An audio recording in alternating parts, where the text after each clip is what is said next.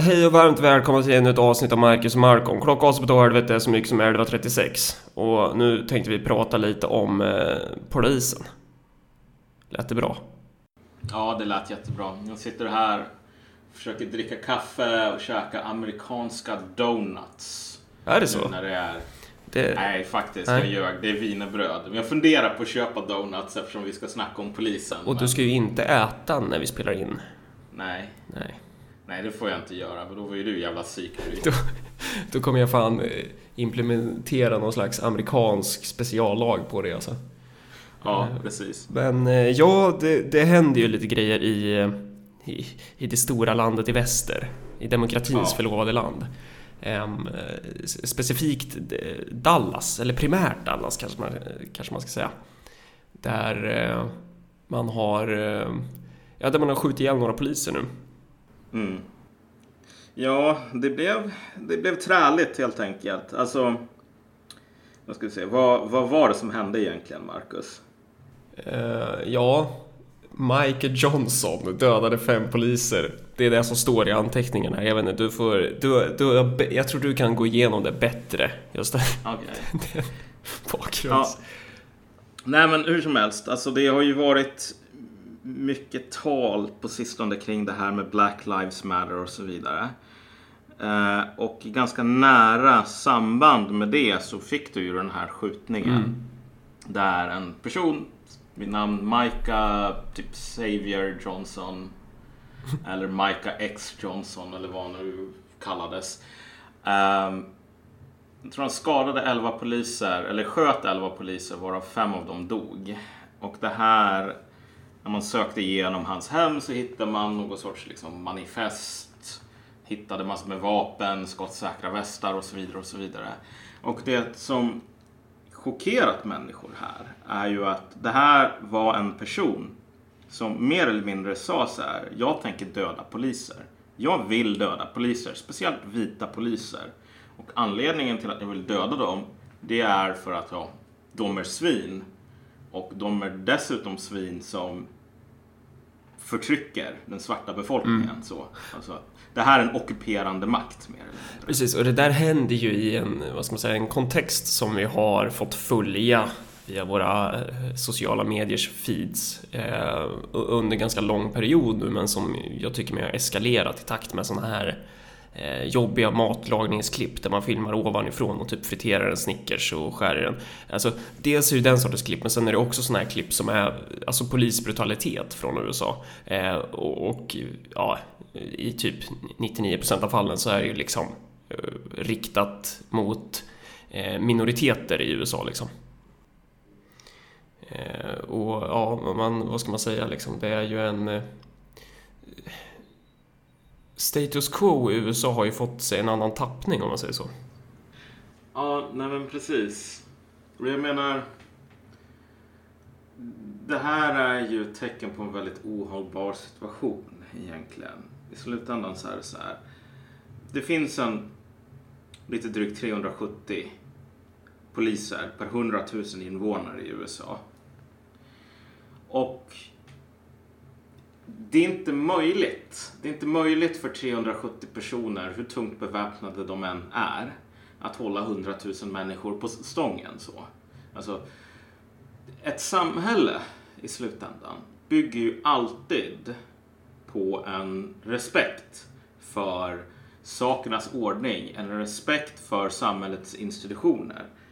Eh, om inte en så här positiv, vad ska man säga, alla behöver inte tycka att allting är bra. Det, det är inte alltid som ett samhälle uppbådar någon större lojalitet bland sina invånare. Men folk måste i alla fall på något passivt plan säga, men okej. jag, jag, jag hatar inte det här så mycket att jag tänker göra uppror mer eller mindre. Och det är väl lite grann det som håller på att försvinna på något Ja, precis den här ideologiska respekten typ. Ja. Att, att där man tycker att eh, nej men det är na- mer eller mindre naturlig ordning att polisen ska göra sig och så och man har en ideologisk idé om vad polisen ska och inte göra. Mm. Vad polisen ska göra och inte göra. Eh, och nu ser man liksom snutar som kanske beter sig på ett sätt som man inte trodde att de skulle göra. Ja. Ja, men, alltså, men om du tänker det, vi, vi talade ju om det här, den här demonstrationen i Sverige Ja. för ett tag sedan. Var, var, var var den någonstans? Eh, uppe i, eh, var det den i Härnösand eller? Nej, nej, det var nere i södra delen av landet med Ung Vänster Skåne som figurerade allting så. Jaha, ja, att vi snackade om det i något annat polisavsnitt. Ja, precis. Ja. Det var ju någon demonstration i alla fall där eh, ehm, polisen liksom, de kom ju med en kavallerichock Ja. mot det här demonstrationståget i alla fall. Och så, kom, så var, läste du kommentarerna där efteråt. Ja. Responsen ofta, det som folk sa efter att den svenska polisen kom med den här kavallerichocken mot en svensk demonstration och den svenska polisen höll på att slå alltså med människor med batong i skallen och så vidare så att de var tvungna att sy med flera stygn. Det var ju, det här kunde inte hända i Sverige. Och förstår inte polisen att deras jobb är att liksom försvara demokratin? Bla bla bla sådär. Och vid tidpunkten så var det väl du och jag och några andra som sa att inte det här ganska hycklande på något plan. Liksom att människor som säger men staten och kapitalet sitter i samma båt, polisen är kapitalets verktyg, bla bla bla. Att de blir så otroligt chockerade när polisen, konstapel Kling och Klang, tar fram fjärde batongen och slår dem i skallen. Men det här är inte hyckel. Alltså det, det är det ju egentligen inte. Det här är tilltro Ja. till, till, till institutionerna. Det här är tilltro till att samhället, trots att det är elakt och dumt och så vidare, ändå ska fungera på något plan. Och det, Det är väl ungefär som... Och det är väl på ett sätt det som håller ihop det här samhället. Det är ju inte liksom, alltså yttersta garanten för att garantera ordningen är ju, är ju liksom, det är ju våld. Men det, det är ganska långa, det är ganska många steg innan det om man säger så. Eh, Så det, det, det, främsta är ju någon slags ideologisk, som du sa, liksom respekt. Alltså en idé om att det här är, det, det här är den naturliga ordningen, det är så här det ska vara.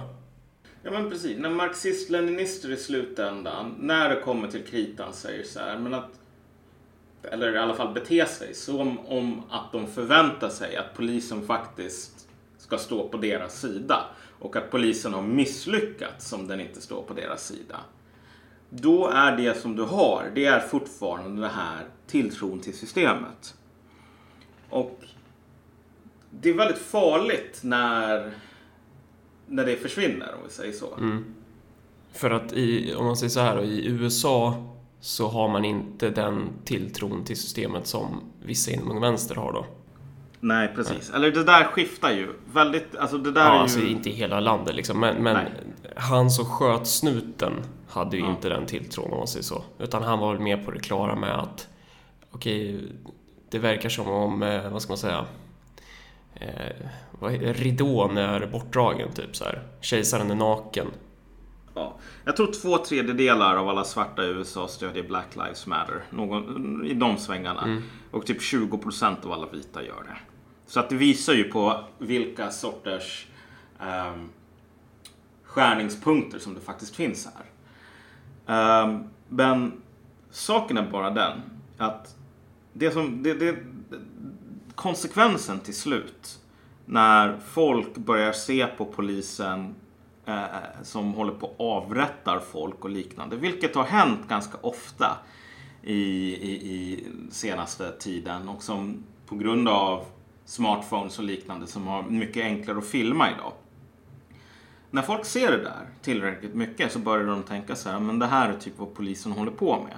Och då, om man börjar tänka att polisens jobb är inte att skydda oss eller någonting, det är att förtrycka oss. Mm.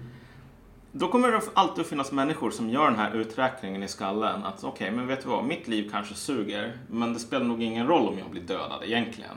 Men jag har fan varit nere i Afghanistan med marinkåren. Jag vet hur man använder ett vapen och det vet inte någon av de här feta grisarna liksom. Så jag skulle lätt, hur många kan jag döda innan de tar mig? 10? 20? Och när folk börjar tänka på det sättet, hur många kan jag döda? Ofta så är det ganska många. I, liksom rent konkret. Det är väldigt svårt att ha ett samhälle där folk är skyddade ehm, från att folk kommer och skjuter dig. Speciellt i ett samhälle där det finns liksom så jävla många vapen per capita som i USA. Jo.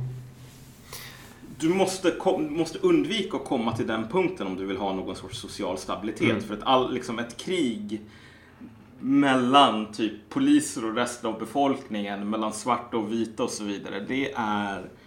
Ja, men då är du ett steg ifrån ett inbördeskrig. Ja, verkligen. Och, och när det gäller så här från, mellan befolkning och, och polisen, du sa ju det oddset före liksom, 370 mot en. Ja. Alltså, det, det är bara att göra lite enkel matte och se här på, ja men om det blir sån krig då förlorar ju polisen liksom. Men precis, ja. Alltså, och det här är väldigt intressant just för att jag var ute efter det här hände, kollade på lite konservativa sidor, typ The American Conservative, Red State. Det som gjorde mig nästan lite rädd, det var att folk där i mångt och mycket faktiskt inte var de här, ja men typ aporna har rymt från plantagen, nu måste vi komma och låsa in dem igen. Så som det brukar låta typ. Ja, utan här var det människor som liksom, du kunde se mer och mer. Folk sätter sig ner och säger okej, okay, vi måste tala om det här på allvar. Vi måste liksom bort med all bullshit om att så här. Det är bara någon kollektiv galenskap som svarta människor har, att polisen typ behandlar dem dåligt. Så här. Alltså, vi, vi måste vara beredda att tala allvar om hur vårt samhälle funkar, därför att det här är inte en hållbar situation. Ingen av oss vill leva i ett sådant samhälle där sådana här saker händer.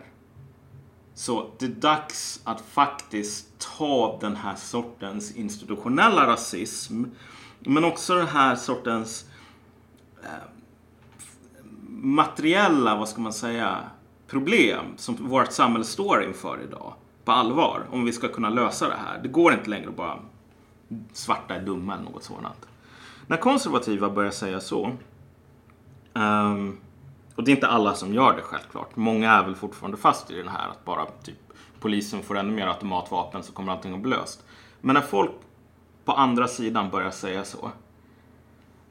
Alltså då, då är det för att de vet vad alternativet är. Precis, då är det ju inte för att de helt plötsligt har fått någon slags eh, respekt för de människorna som blir utsatta för, för statens brutalitet utan då handlar det om att de fattar att så här bara, oj då, steg två i det här kanske blir att det inte kommer vara någon som står mellan oss och dem sen. Snarare att, ja, att man ser liksom att så här, våran ordning kommer ju falla sönder om det här fortsätter liksom. Mm, ja. Um, och, och, vi har väl i tidigare avsnitt så har vi pratat om liksom polisen som en rovriddare, typ, det vill säga eh, som eh, hur liksom polisen eh, kan plocka någon jävel som sitter på en parkering utan säkerhetsbälte typ och sen bara åberopa någon jävla låtsaslag typ och sen kan man in en massa pengar på det här liksom. Mm. Typ gå in i en bil eller bara, bara visitera någon bara okej okay, du har kontanter på dig, ja men då tar jag in dig för det här så konfiskerar jag kontanterna, sådana där grejer. Mm. Eh, och, det, och det där är ju, det är ju flera poliser som vittnar om det där också, liksom att de måste ju prestera det, det, hänger väl inte riktigt ihop kanske, men, men dels så har du ju den grejen och sen har du den här andra grejen som är att polisen måste ju visa upp statistik på att de bekämpar brott, typ. Mm. Och hur gör man när man ska visa upp statistik på att man bekämpar brott? Åker man till liksom det vita mellanskiktsområdet, eh, den här American Dream som alla filmer utspelar sig i? Nej, man åker ju in i typ, eh, jag vet vad, säg någon stadsdel, typ Bronx. Och så uh, plockar man bara någon som, som inte har en rik farsa, som inte har en eh, farsa som sitter i högsta domstolen typ. Jo men alltså, precis. Det där är ju, kolla. Jag tycker att det är väldigt enkelt att hamna i den här situationen att man bara säger, ja men typ polisen är dum, snuten är dum, snuten beter sig som monster och så vidare. Ja, eller i den andra som är så här, polisen är jättebra, lag och ordning, ja. hurra, vad bra det går. Ja, precis. Men jag tror att man måste inse att någonting som egentligen borde vara ganska självklart. Polisen är människor, precis som Ja. alla andra. Och de är... eh, De, de, de utgör en samhällsklass, kan vi väl kanske kalla det. Liksom. De har en viss funktion. Och som en viss position i samhället och en viss roll i att liksom, samhället ska fortsätta fungera. Och som sådan så är deras sit- sits väldigt komplicerad egentligen. Alltså, men typ du tar ju upp det här med att man, man är tvungen att åka för att man, man är tvungen att haffa folk för statistikens skull. Det här känner ju alla som har sett en serie som typ The Wire till. Det är det här stats policing. Eh, alla karaktärerna på liksom, poliskåren i Baltimore i The Wire är ju så otroligt um, upptagna med det här med statistiken. Hur många mord och liksom, haffar vi folk för? Hur, hur, hur många eh, liksom, drogbrott får vi in folk för och så vidare. Och det där är ju någonting, de får ju order från ovan att hålla på och haffa folk och se till så att statsen ser bra ut. Därför att av olika anledningar så är det så att i, på många ställen i amerikansk politik så vinner du lokala val genom alltså, att använda kriminalitet som en slagträ. Det finns ett ännu värre aspekt som är bara så här att på många ställen, fler och fler nu liksom med tiden, så är polisen tvungen att hova in pengar. Alltså, du budgeterar för att polisen ska konfiskera så och så mycket pengar. Typ. När polisen ska dra in liksom, x antal miljoner. Därför att annars har du inte råd att betala socialbidrag eller se till så att brandkåren kan rycka ut. Eller se till så att vattenledningarna funkar. Men kan du tänka dig hur jävla farligt det är när du säger till poliser så här. Ditt jobb är att arrestera 100 människor för fortkörning. Om inte du arresterar 100 människor för fortkörning den här månaden, då kommer du att få en lönesänkning eller få sparken. Ja, och vad kommer hända? Jo, man kommer arrestera 100 personer för fortkörning. Ja. Det spelar ingen roll om typ alla, liksom, om ingen kör för fort. Nej. Du behöver arrestera människor för fortkörning därför att då så kan du dels dra in böterna. Dels så kan du ha massor med administrativa uppgifter. Liksom så här, ja men typ den här polisen Liksom. Eller när du, när du kommer till, till rättssalen så måste du betala en avgift och sen måste du betala en avgift när du går ut och så lägger man på hur många sådana avgifter som helst och allt det där går in i statskassan. I don't like cops, I don't like cooperators. I don't like traitors and story corroborators. In any problem, I'm the common denominator. My behavior is the product of intoxicators. I'm just blood addicted, it's the other liquid. I'm above the limit, off of the blood of the wicked. Don't even ask, there's somebody in the body bags. The blood matches, it's on the hatches and hockey masks. I'm never traumatized, I don't have to compromise. I don't have to economize the homicides. You tell Jesus to take the wheel, my faith is nil. I believe that even Jesus has a way to kill. Polisen är ju med andra ord, alltså det, det, det är ju en, precis som statens roll i övrigt, att, att balansera motsättningar. Eh, och ja. varav trycket på en poliskår i ett samhälle där där man inte ens har en fungerande skatteintäkt. Alltså så här, det, där det går så långt att det börjar falla sönder så pass att polisen i egenskap av någon slags moderna rovriddare ska stå för att kamma in intäkter till staten. Liksom. I det läget så blir trycket på polisen jävligt stort. Alltså, polisen hamnar ju i kläm liksom. och, och frågan är ju då vad gör det här med de här människorna? Dels alltså, eh, alltså rent ideologiskt eh, det är ju lite off topic, det har vi pratat om också i tidigare avsnitt, men, men så här, den här rollen hur, hur man coping strategy, typ. Ja. Hur fan ska man... Eh, för vissa poliser eh, hoppar ju av liksom och bara så här, men vad, vad fan, det här var inte vad jag signade upp för. Mm. Eh, och medan andra kanske blir så här bara, okej, okay, det, det är alltså det här innebär. Okej, okay, det, det, här är rätt. Försöker hitta, komma på någon ursäkt för varför man, det är rätt att göra som man tvingas göra, typ. Alltså, jo men precis. Och det, det sorgliga här är att polisen i rollen, liksom, i, i, i vänsterns fantasi, ja. har rollen som den här liksom, freudianska typ ärkepappan som typ har all makt ungefär. Mm. Så att det, det, finns alltid en plan och det är Alltså, det, det är de som är i kontrollen hela tiden och som gör allting med, med, med någon sorts... De, de styrs av borgarklassens Illuminati-råd. Eh, ja, jo, men, ja. men precis. Men det är också så här Darth Vader och Grand Tarkin Moff liksom som, eller Grand Moff Tarkin mm. som men, men, men, men den här bilden av polisen som imperiet, typ. Mm. Är verkligen, den har inte så himla mycket med verkligheten att göra, skulle jag nog säga. Alltså, man behöver inte tycka om polisen. Nej. Men jag tror att det är väldigt viktigt att förstå ungefär vilken position de är i och vad det är som försiggår i de här människornas skallar. Mm. De är ju människor, det är en jävligt... Eh, Carl Bildt, jag tror det var Carl Bildt som sa det. eh, angående så här israeliska soldater som typ palestinska barn kastade stenar på deras pansarvagnar. Och Carl Bildt bara, ja men tänk, tänk dig hur de här israeliska soldaterna känner. Alltså med, med risk för att låta lite så nu, men, men så här, eh, poliserna sitter ju inte i några pansarvagnar liksom. De, de rör sig i ett, i ett samhälle som faller sönder på riktigt liksom. Eh, och, och, eh, eller de rör sig i ett samhälle som faller sönder ordentligt där väldigt många människor har vapen. Eh, det, här är ju, det här är ju människor i en viss roll. Eh, och de kommer präglas väldigt mycket av den rollen. Ja. Och det, det intressanta, det, saken är bara den att det som man måste förstå när det gäller i alla fall amerikansk polis, att kanske den mest definierande aspekten av deras liksom, professionella vardag, eller vad man nu ska säga, det är rädsla. Konstant rädsla. Det är ett genomgående tema i att vara polis. Och rädsla Vi- bidrar ju ofta till att man, eh, ska man säga, Fear leads to anger, anger leads to hate. Ja, nej. men det bidrar också till att man, man eh, blir mer trogen vissa ideal. Att man, att man Ja. kan bli mer så här, eh, alltså strids... Eh, nej, det där kan jag klippa bort. Skitsamma. Ja, men alltså, men, men, men, men typ, vad, vad betyder det här rädsla i praktiken? Mm. För det låter ju kanske som en dum sak att säga. Vadå, det här är vuxna människor med vapen, bla bla bla sådär. Men vi kan ta den här skjutningen av den här 12-åriga pojken Tammy Rice som skedde. Ja, han hade en vattenpistol, eller vad var det? Nej, det var, det var inte en vattenpistol, men det var en leksakspistol Okej, i alla ja.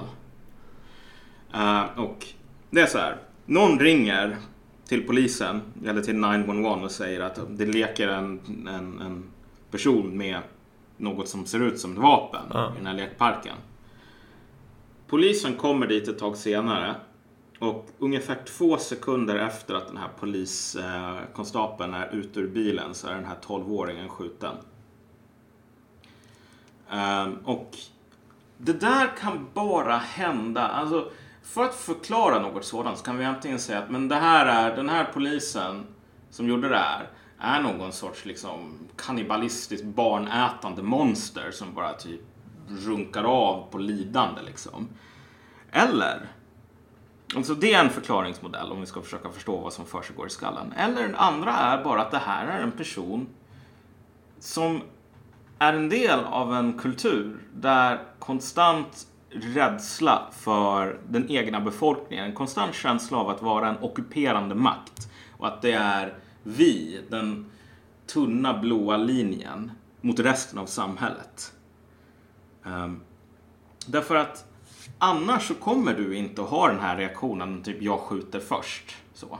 Alltså, det, det, det, det är ingen, ingen människa som går in i det där helt... Om du eller jag blev inringda så här, det, det leker en 12-åring där. Och vi var tvungna att hantera den situationen och vi hade ett vapen. Varken du eller jag skulle skjuta någon. Nej. Liksom så. Och det är ju inte för att vi är så otroligt goda eller någonting. Utan det är för att en normal funtad människa skjuter inte någon. Bara sådär. Speciellt inte ett barn.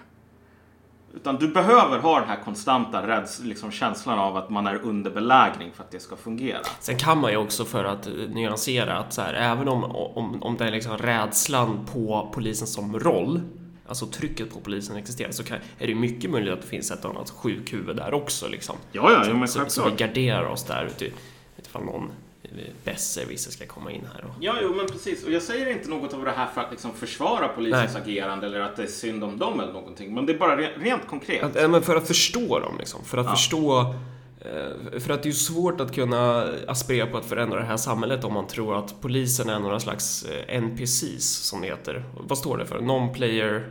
Characters, ja, Ja. precis. Precis. Alltså sådana här eh, personer i datorspel som datorn sköter. Ja, jo, men som bara är till för att låta dig som huvudperson liksom leva ut ditt öde ungefär. Men, men, men precis, det här är inte en ursäkt utan det är bara rent konkret. Så polisens tillvaro, speciellt i sådana här innerstäder och liknande, det är verkligen liksom vi mot dem, vi de få mot hela den här gråa eller svarta massan av brottslingar och oduglingar och allting sånt där. Och saken är också den att alltså, det är inte så himla svårt att hitta kriminella som är mycket tyngre beväpnade än polisen. Även om polisen försöker kontra med typ bepansrade liksom, stridsvagnar. Alltså hur, hur dödade de han den Micah Johnson? Det var väl via en bombrobot typ? Ja, just det. Det är bra att du nämnde det, för vi höll nästan på att glömma det. Det var ju en av de här sakerna som var mest intressant i hela den här Dallas-skjutningen. Sättet som förövaren blev dödad på till slut. Han hade grävt ner sig i något jävla hörn och de skickade in en fjärrstyrd robot som de hade klistrat fast massor med sprängmedel på och så sprängde de den. Alltså, det, det är typ som ett sånt här får i Worms. Ja, det, det är ungefär som om man spelar typ Battlefield. Ja. Det, folk brukar göra så. De limmar fast massor med C4 på typ en jeep eller någonting och så åker de in i folk och detonerar. Det kallas jihad-jeeping. Det är bara intressant att se hur folk, hur polisen börjar jihad-jeepa folk i mm. verkligheten. Mm. Men det är också så här, det är ganska talande i sig att polisen har massor med sprängmedel och har den kapaciteten. För ett sånt där vapen är ju någonting som man inte använder för att arrestera folk Nej. på. Men, men alltså, kolla. Ska vi vara rent Ska vi vara allvarliga här och försöka förstå polisens liksom, roll i, i, i, USA idag. Det är lite som att vara typ fotsoldat i Vietnam. Mm. Uh, det är därför i stor del som liksom, polisen beter sig som sådana monster och varför det finns så himla mycket bevis på poliser som verkligen beter sig som mm. monster. Mm. Där. Avrättningar av försvarslösa, liksom så här misshandel av... Eh, jag menar, det finns så himla många sådana där grejer liksom. Eh, ja, det påminner ju väldigt mycket om, alltså själva... Det liknar ju mer och mer en krigszon. Eh, ja. En krigssituation. Där liksom båda sidorna menar på att det, det sker någon slags belägring här. Vissa ja. poliser har ju beskrivit det när de åker i vissa så svarta, det var väl där i Baltimore då. Då, beskrev de det som att nej men det här känns ju som att vi är en eh, ockuperande makt här Mm. Vi, vi, ska belägra de här människorna.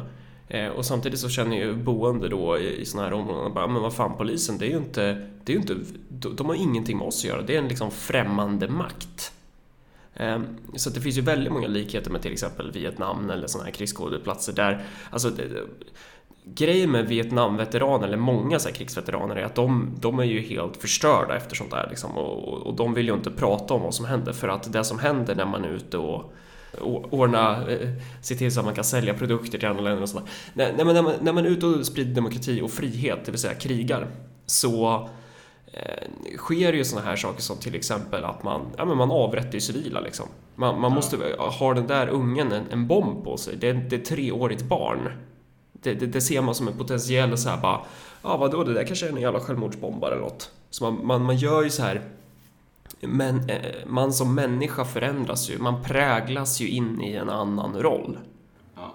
Eh, en amerikansk bekant till mig berättar ju, han, han har ju folk i släkten, jag tror det var en farbror eller någonting, som tjänstgjorde i Vietnam. Och den här farbrorn var alltid otroligt tystlåten med vad det var som han var med om där uppe. Men sen efter mycket tjat så berättade han liksom en berättelse och sen, sa han liksom, sen så höll han tyst resten av livet ungefär. Och den här berättelsen var ungefär att han var med sin, med, med sin pluton och de hade det här uppdraget att hålla på och patrullera ett visst område i norra Vietnam tror jag. Eller liksom norra delen av södra Vietnam. Um, och när de gick ut på patrull, speciellt mot kvällen, så blev de of, var ofta så att de blev anfallna av Vietkong. Och Vietkong visste precis var de skulle vara någonstans. De visste precis var de skulle vänta för att anfalla de här människorna. Eh, och det var ju så att liksom, ganska många amerikanska soldater dog. Liksom, vänner, bekanta, allting sådant. Battle buddies. Sen mot kvällskvisten en gång när de skulle ge sig ut på patrull igen så såg de alltså att det var en liten flicka, kanske en åtta år eller någonting, som satte upp en färgad lykta vid början på den stigen som de valde att gå på. Så de såg sig om och så såg de den här lilla flickan med lyktan bakom dem. Och de räknade ju ut ganska snabbt att det var den här flickan satte upp lyktan på den stigen som de skulle gå. Så att Viet kong skulle veta var de skulle ligga i bakhåll. Det dröjde inte så himla länge till att den där flickan mysteriskt försvann. Ingen såg henne igen. Och därefter, efter att hon hade försvunnit, så kom det inga bakhåll från Viet Cong längre på kvällskvisten.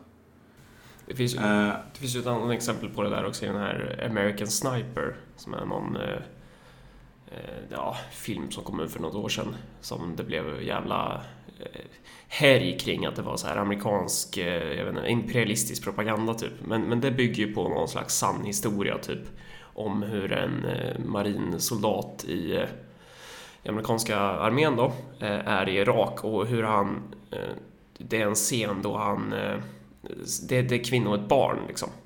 Och det slutar med att han, jag har för mig att han knäpper dem typ för att de, de hade någon bomb på sig eller vad fan det var. Att det, det, är- det är ju typ samma grej där. Ja, alltså. Ju, nu ville ju den här farbrorn inte riktigt gå in på om det var han som var med i det här gänget som dödade den här lilla åttaåriga flickan. Liksom. Men, men, men, eller om det var det värsta som man såg där. Det var det antagligen inte. Men Men det finns ju många anekdoter där i alla fall och det är ju alltifrån det här med att man spelar fotboll med vietnamesers huvuden och sådana där grejer. Alltså man, man blir ju helt avtrubbad i en krigssituation. Ja. precis. Och det där är ju. Poängen är inte så här att amerikaner gjorde sånt där för att de, de, de föddes med några så dåliga gener som gjorde dem till monster. Utan det är ju situationen som skapar monstren. Och i, rent konkret i det här fallet så är ju situationen av att vara en soldat som blir indragen på grund av värnplikt i ett impopulärt krig mot en befolkning som inte vill ha en där. Deras vapen är moderna, himlen flygplanen bär. Men vi har ett helt folk bakom våra gevär överallt där vi strider. För innerst är vår fiende en papperstiger. Det har gett mig hopp, det du säger kommunist. Kanske kan vi ändå vinna friheten till sist. Kom in kamrat, du får gömma dig här och lär oss bönder hur man sköter ett gevär. Ja, och, och hur säljs det in också? Ja men precis. Att det, det, Alltså- det är samma sak så här, vad är polisens roll officiellt ideologiskt sett? Ja, men det är att garantera trygghet, det är att, garan- det är att vakta den demokratiska ordningen. Vad var amerikanska militärens roll i Vietnam? Jo, men att befria be- folket där. Ja, precis. Men vietnameserna vill inte ha dem där. De vill inte få sitt jävla land sönderbombat. Och väldigt få amerikaner typ gav de här människorna en klapp på axeln när de kom tillbaks. De var ju fan spetälska med. Ja, de hade ju förlorat ett krig. De hade förlorat ett krig, men sen var de också de här monstren som höll på och våldtog Ja. barn och dödade dem och spelade fotboll med vietnamesers huvud och så vidare. Så vilken sida man än vände sig till, så alla hatade ju en om du var liksom amerikansk soldat. Plus att det här var en situation, alltså en tid i Amerika, där du hade otroligt mycket alltså, interna stridigheter, problem. Eh, vad heter han, boxaren som dog nyligen? Eh, Muhammad Ali. Precis. Muhammad Ali sa ju liksom No Vietnamese ever called me a nigger. Ja. Vilket, det var också den tiden. Liksom, där du hade de här rasmotsättningarna, Svarta pantrarna, allting sådant. Så att vara soldat där var inte så jävla kul. Och när du är sådär underbelägrad, då leder, liksom underbelägring, då leder det till den sortens krigsförbrytelser som vi såg. Liksom. Det är trasiga människor, människor som alltså, går sönder av de omständigheterna som, som de försätts i. Som är kapabla att begå liksom, grymheter. Och det är precis samma grej som händer alltså, med polisen i USA. Mm. Alltså du kan, eh, det, det, det, det är verkligen fascinerande när sådana här saker spiller igenom till um, liksom, i mainstreamen. Inte, och då talar vi inte om så här den här sortens video som cirkulerar på Twitter. Utan eh, vi kan, eh, liksom Fox News är ju inte direkt en så här polishatande nyhetskanal. Nej, den är ju tokrepublikansk. Ja. Det, men det är bara så fascinerande att se vad som liksom människors ansikten. De håller på och täcker alltså en biljakt. Ja. Och sen så stannar den här personen som liksom de jagar till slut. Eller liksom bromsar in eller åker ner i diket eller någonting. Polishelikopter, eller den här nyhetshelikoptern följer efter, ser det. Och så håller folk på att kommentera det här live i Fox News-studion. Sen när poliserna kommer fram till den här stannkvaddade bilen drar de ut den här personen och så börjar typ tio personer sparka honom i ansiktet.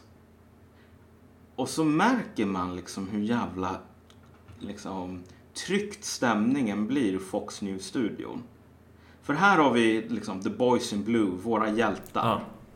Och de håller alltså på och misshandlar en medvetslös person. Liksom, riktigt grovt. Så grovt så att den här personen kanske dör. Och de sitter i sin nyhetshelikopter och filmar det här och vet inte vad de ska. Liksom. Här ser de en sida hos de här människorna som de kan inte säga någonting om det. Nej, precis. Så de bara, vilket vackert väder vi har för Ja. övrigt. Börjar de nästan säga i studion när de ser på den här grova misshandeln. Ja. Liksom. För det här är ju liksom, deras roll är ju då att berätta en berättelse om polisen. Som är liksom att det här är ju the good guys, typ. Precis. Och, och, sen- vad händer när man inte längre kan skarva fram den berättelsen? Ja. Jo men alltså det är ju otroligt traumatiskt för någon när, liksom, när man ser den där sortens scener. Men den där sortens scener blir mer och mer normaliteten i USA idag. Alltså, den där, den här sortens misshandel som liksom sker av folk eh, på det sättet efter så här biljakter och liknande. Den är en produkt av en viss kultur om vi säger så.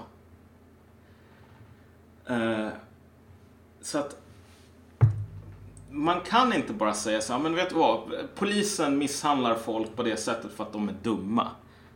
Alltså det finns ganska många dumma människor som inte håller på och misshandlar folk sådär. Speciellt inte medvetslösa människor. Det finns någonting annat som ligger bakom här. Alltså det, och det har bara att göra med hur jävla svårt det är att vara den som ska försöka få ett samhälle som knappt ens längre fungerar att inte att liksom fortsätta fungera. Du får ju inte så jävla bra betalt jämfört med typ, jag vet inte vad, de människorna som håller på att typ råna landet från Wall Street eller någonting sådant. Men det är du som ska komma där och vara den stövel, eller den stålhättade skon som sparkar i ansiktet på folk som protesterar mot det här. Men det är också intressant att kolla på om, om man ska dröja kvar där vid dem i Fox News eller politiska etablissemanget överlag, alltså hur de ser på dels så här kriminaliteter eller saker som bryter mot hur, hur, hur alltså ordningen typ. Att det, det, deras idé om det här är att det är liksom troll som växer fram ur marken och sen bara eh, Hej, jag spelar in podd. Så, eh, deras idé är ju att eh, till, nu kommer en flickvän in och undrade vem jag pratade med och så stod hon och tittade och undrade, tyckte det var jättekonstigt, kunde inte förstå vad som hände. Men eh, deras idé inom politiska etablissemanget är ju liksom att det växer fram troll ur, ur marken, typ. Är du kvar? Ja. ja. Ja, det är Och, och att så här, det här är ja, men hela den här idén om att ja, men jag, jag stödjer ju inte våld, jag är för normaliteten. Jag är för status quo, men i själva verket så är ju normaliteten mer och mer våld. Det här är ju det normala. Det är så här... Ja, precis. Och, det är det som är viktigt att komma ihåg för att när man försöker se på den här situationen utifrån väldigt trubbiga verktyg som antingen typ så bara eh, att polisen är några slags NPCs typ. Eller att de, det här är rätt där de gör. Alltså, man, man måste ju försöka tolka situationen för vad den är. Vad, vad säger det här om det amerikanska samhället? Det här säger ju någonting om att det här samhället är ju på väg att falla sönder. Ja, jo men precis. Alltså, och det är just det som är det, det är fascinerande om vi tänker oss. Vad, vad är det här för relation till typ någon som Hillary Clinton och Donald Trump typ? Uh, folk ser på något plan den här idén, alltså Donald Trump som trollens avatar. Det är Donald Trump som har orsakat eller kanaliserat alla alltså, sociala patologier i USA mer eller mindre. Och bara vi röstar på någon som Hillary Clinton, då, kommer, då kan vi trycka på snooze-knappen igen. Då kommer det normala återgå. Liksom. Men det är att helt, alltså, det är att helt placera kärran framför åsnan, så att säga. De sociala patologiernas avatar idag är Hillary Clinton. Och Donald Trump på många sätt är den personen som du bör fundera på att rösta på om du tycker att det är fel polisen håller på och misshandlar folk. Inte ens för att Donald Trump är för att emot att polisen ska misshandla Nej. folk. Han tycker att det är skitballt. Ja. Men vad Donald Trump är emot på något plan, hur lite han är det i praktiken och hur mycket som det här bara är snack. Men på något plan så säger Donald Trump fortfarande att jag är emot status quo. Jag är emot den här sortens normalitet som vi säger att vi lever i den bästa av alla världar och allting funkar skitbra. Nej, det här är ett samhälle som håller på att gå åt helvete. Det här är ett samhälle som inte funkar skitbra längre. Och vi kan, ingen står ut med att fortsätta så här, på det här sättet, så himla länge till. Hillary Clinton däremot säger att, vet du vad? Det är bara trollens fel. Allting är bra. Vi lever i den bästa av alla världar. Fortsätt på. Typ. Ja. Och så kommer det fortsätta så att liksom vara så här brutalt polisvåld och det här kommer bara eskalera liksom. Ja men precis, det här brutala polisvåldet är ju inte, är ju inte en bugg, det är en feature. Uh, det kommer att fortsätta så länge, liksom, det, det, det brutala polisvåldet idag är normalt. Det kommer att fortsätta så länge som normaliteten fortsätter. Och det kommer bara att försvinna om det slutar vara normalt. Ja. Liksom. Och, och liksom, det, det, är svårt att bara dra i nödbroms där, utan det här är ju, har man väl satt det här i rullning, då kommer det ju rulla på. Det här är ju liksom inte Malexander, typ. Det, nej, alltså, nej men precis. Då var det ju liksom så här, de var ju på flykt, typ. Och så bara mm. sköt de ju polisen, liksom. Alltså det var ju inte så här medvetet, bara nu ska vi leta upp några poliser och döda dem.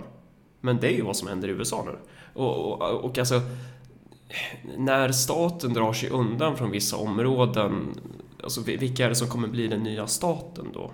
Ja, jo men precis. Det kommer ju vara typ eh, The Cribs. Ja. The Cribs, inte Cribs. Crib är vagga. Typ. Ja, ja men vaggorna.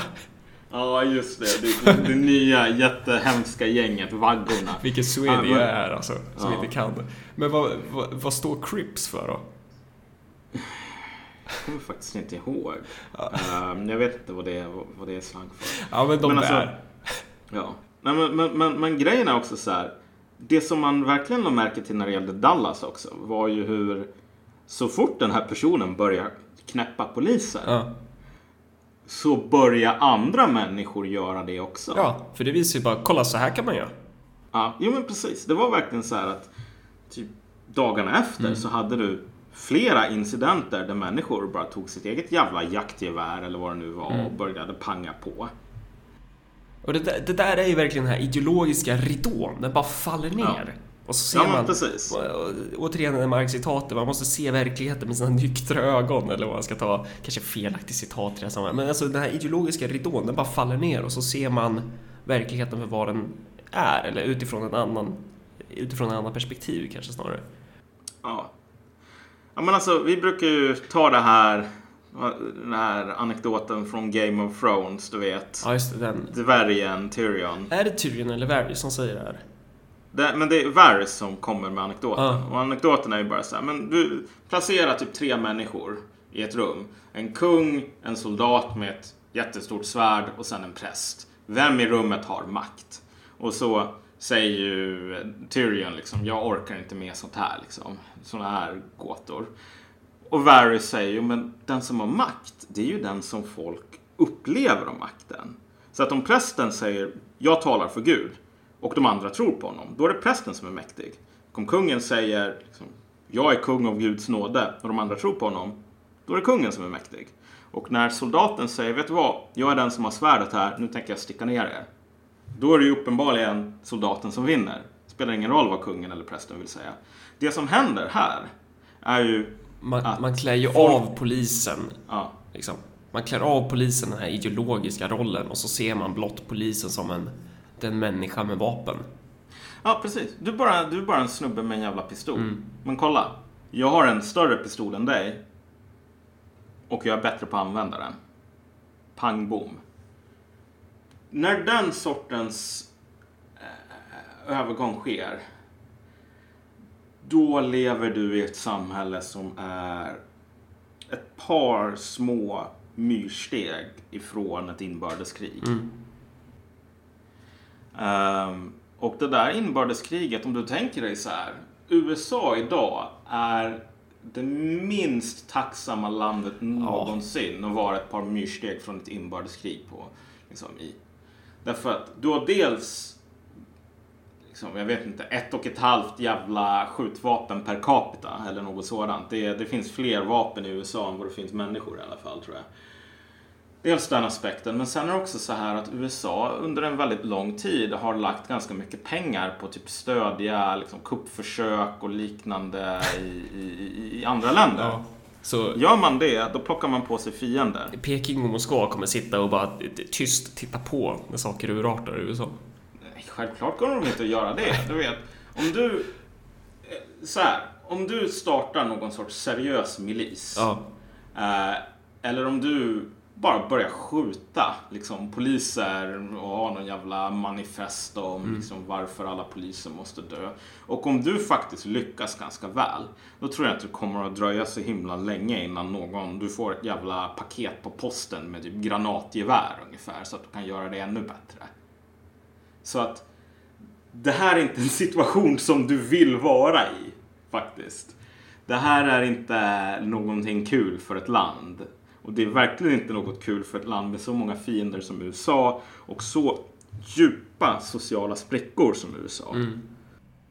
Ring snuten, eran kollega är skjuten Yo, yo, yo, ring snuten Kalla kanoner i huset Det är dags att mata svinen med automatkarbinen. Lära glinen hur man handskas med polisen. Bryta isen med kofot och mordhot. Det finns ingen bot mot blodtjot Sedlighetsroten, korrumperade boksnots Möt terrorister som sköt sheriffen Han sökte biffen, kom igen han dödade spliffen Fast jag löste tvisten med skjutjärnet från hemvärnet. Och cashen kom lägligt, nu kan vi kvarta femstjärnigt Eh, En annan grej som vi var inne på här angående rovriddare, att i USA så har vi ju den här varianten att man kan liksom konfiskera kontanter. Det är väldigt, väldigt eh, lätt att dra in pengar så för polisen. Eh, Och det är mer eller mindre, eh, vad heter det, eh, förbestämt eller mer eller mindre en... Ja, det finns ju en idé om...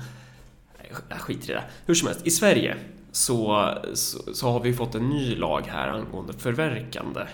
Eh, och jag såg på Facebook att det var lite diskussion om vad polisen får göra och inte göra. Liksom. Eh, Håller vi på väg att bli, är vi på väg att bli som i USA eller, eller är vi inte det? Så. Ja. Eh, ja, men precis. Ehm, Bland annat så är det en Nyheter 24-artikel om den här nya lagen, eller ja, det är ett nytt lagpaket snarare som trädde i kraft den 1 juli. Och då säger Anders Ygeman att eh, det kommer att vara lättare att liksom lägga beslag på kriminellas ägodelar, till exempel pengar, klockor, bilar, motorcyklar, eh, som är resultat av brottslig verksamhet utan att behöva knyta dem till ett speciellt brott. Mm. Och vad innebär det då?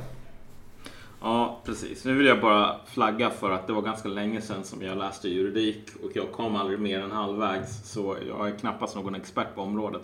Men jag har också sett de där liksom, frågeställningarna, typ börjar vi bli som USA med rovriddare som åker runt och konfiskerar folks ägodelar och så vidare. Och det korta svaret är väl egentligen nej. Jag tror inte det kommer att hända därför att Ja, inte, Den- inte än i alla fall.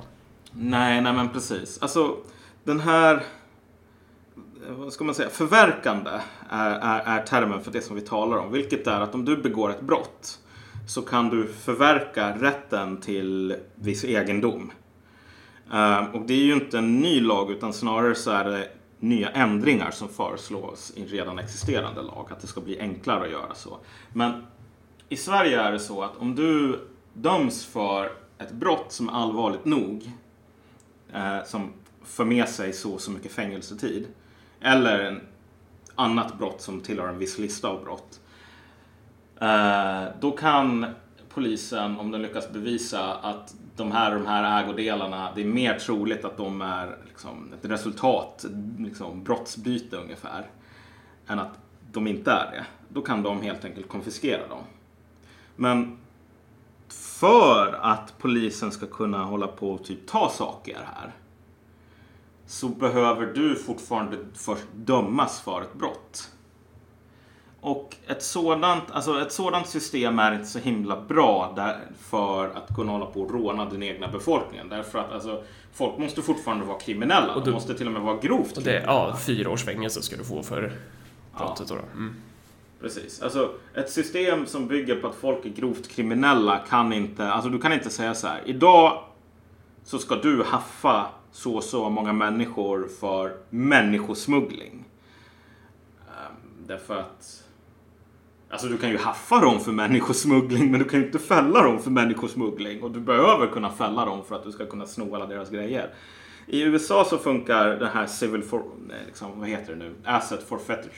Jag kan fan inte uttala det ens. Eh, forfeit.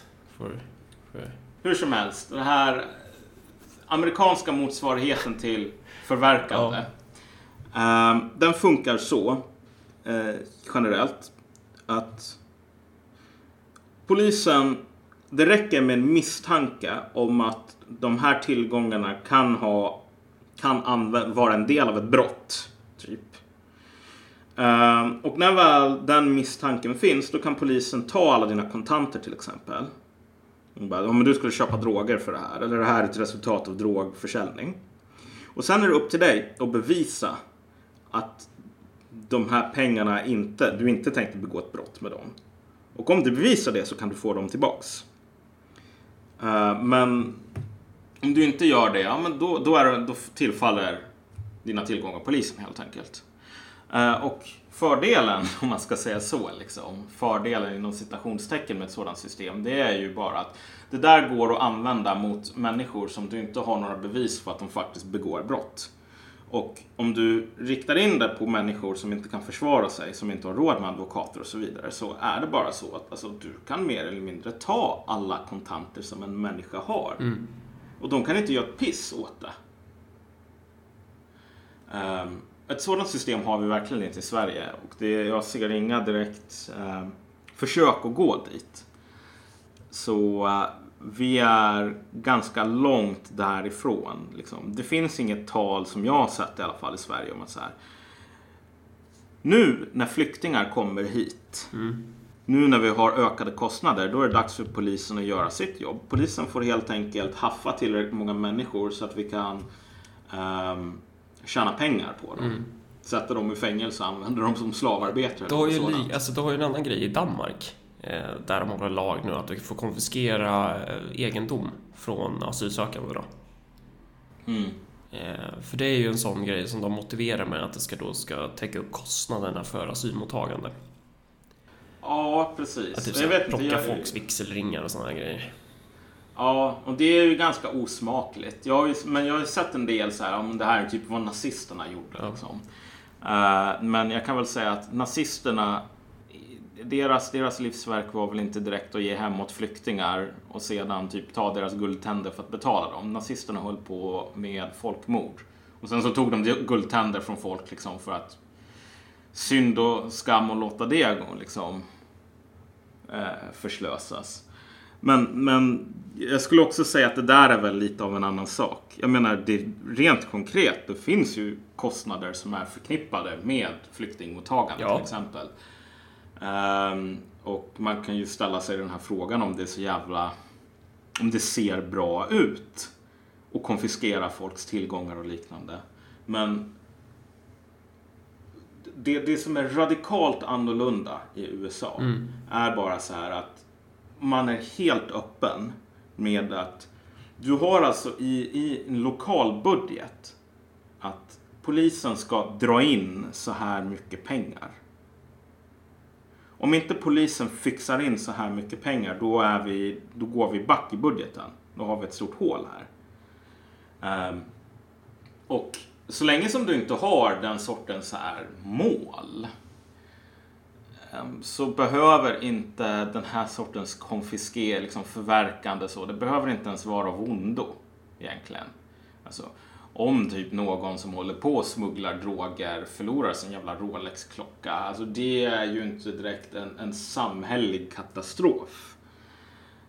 Men du hamnar lätt i en samhällelig katastrof om du säger så här, okej, vet du vad? Ni ska tjäna pengar. gå ut och tjäna pengar. Annars så förlorar ni jobbet. För då jävlar, då blir det snabba cash. Och när polisen fixar fram snabba cash, då gör de det genom att exploatera de mest, de svagaste i samhället. Och det enda som skiljer dem från ett kriminellt gäng då, då är att de är sanktionerade av staten helt enkelt. Ja, precis. Men det där är också så jävla intressant. Det visar ju på många sätt alltså hur, hur mycket USA faller sönder. Alltså att de är inte ens sanktionerade av staten alltid. Alltså, du kan ha det här att en kommun säger så här. Våra poliser ska fixa in så och så mycket pengar av eh, ja, liksom, folk som kör för fort och liknande. För att vi ska bygga ett nytt parkeringshus. Och så kommer alltså eh, justi- USAs justitiedepartement och säger så här, så här, så här får ni inte hålla på med. Det här är ju mot konstitutionen. Om du säger vi ska bygga ett nytt parkeringshus, ut och haffa in bovar. Då kommer ni att skapa, liksom, man ser ju direkt vad det kommer att leda till. Ni kommer att hitta på skäl till att få in folk så att ni kan pressa dem på pengar. Det är inte vad polisen ska hålla på med, säger den federala staten. Och så säger kommunen så här, ja vet du vad? Fuck you. Vi ska bygga det här parkeringshuset och vi bryr oss inte om vad några jävla fittor i Washington säger. Så när folk på lokal nivå säger så till sina chefer, eller vad man nu ska säga, till, till liksom staten där borta. Vi bryr oss inte om vad ni tycker. Vi tänker fortsätta pressa fattiga människor på pengar. Eh, då, då har det gått väldigt långt. Ja. Det är en väldigt rolig grej dock om om man skulle vara så liksom besatt av att bygga ett parkeringshus. Det, det finns en politiker här i Örebro som heter Björn Sundin som, som verkligen skulle kunna passa i den rollen. Det är han som ska bygga om alla jävla torg och lägga gräs på massa gator och måla dem rosa och sånt där samtidigt som han skär ner i äldrevården och sånt där. Han är så här besatt av att bygga helt onödig skit. Typ. Han, han skulle verkligen vara så där om han, om han om Örebro kommun låg i USA. Bara, fuck you, jag ska fan plundra befolkningen så jag kan bygga det här parkeringshuset. Kul, kul off topic som bara typ örebroare kan relatera till. Eh, ja. Eh, men eh, vad fan, börjar vi glida mot slutet typ? Ja, nej men precis. Det tror jag. Eh, Ja, vad, vad ska man lägga till här egentligen annat än att eh, ja, man behöver inte lägga till så mycket kanske. Det, jag, ska, jag ska ha ett litet outro här också. Ska jag, ska jag ta det direkt? Ja. Ehm, ja, jag hade ju en liten eh, vänlig uppmaning i förra avsnittet och eh, det har ju eh, gett resultat givetvis. Så vi har inte riktigt kommit upp i 50 delningar än. Jag tror att vi har 32 på Facebook-sidan eller 31 kanske. Och sen så 9 retweets på Twitter. Så det är mycket möjligt att vi får upp till 50 delningar innan nästa avsnitt. Men det här är asbra för det här gör att våran podd sprids mycket mer. Vi har fått in mycket fler likes på Facebook-sidan. Det har blivit mycket, mycket mer rullning. Det blir fler, fler kommentarer, mer, mer interaktion med, med podcasten. Och det här är ju det är ju så vi vi ska göra. Så bra jävla jobbat alltså. Det, det, fortsätter vi så här nu så kommer vi ju då kommer vi ju växa ordentligt. Eh, och då blir det ju helt enkelt mer och bättre Marcus och Malcolm. Så är det med det. Så det är bara fortsätt, fortsätt med eran delningsspree. Bara fortsätt dela, fortsätt sprid, fortsätt gilla, fortsätt eh, interagera med podden. Eh, ja, Ja. ja, men på återseende. Och så syns vi nästa vecka. yes.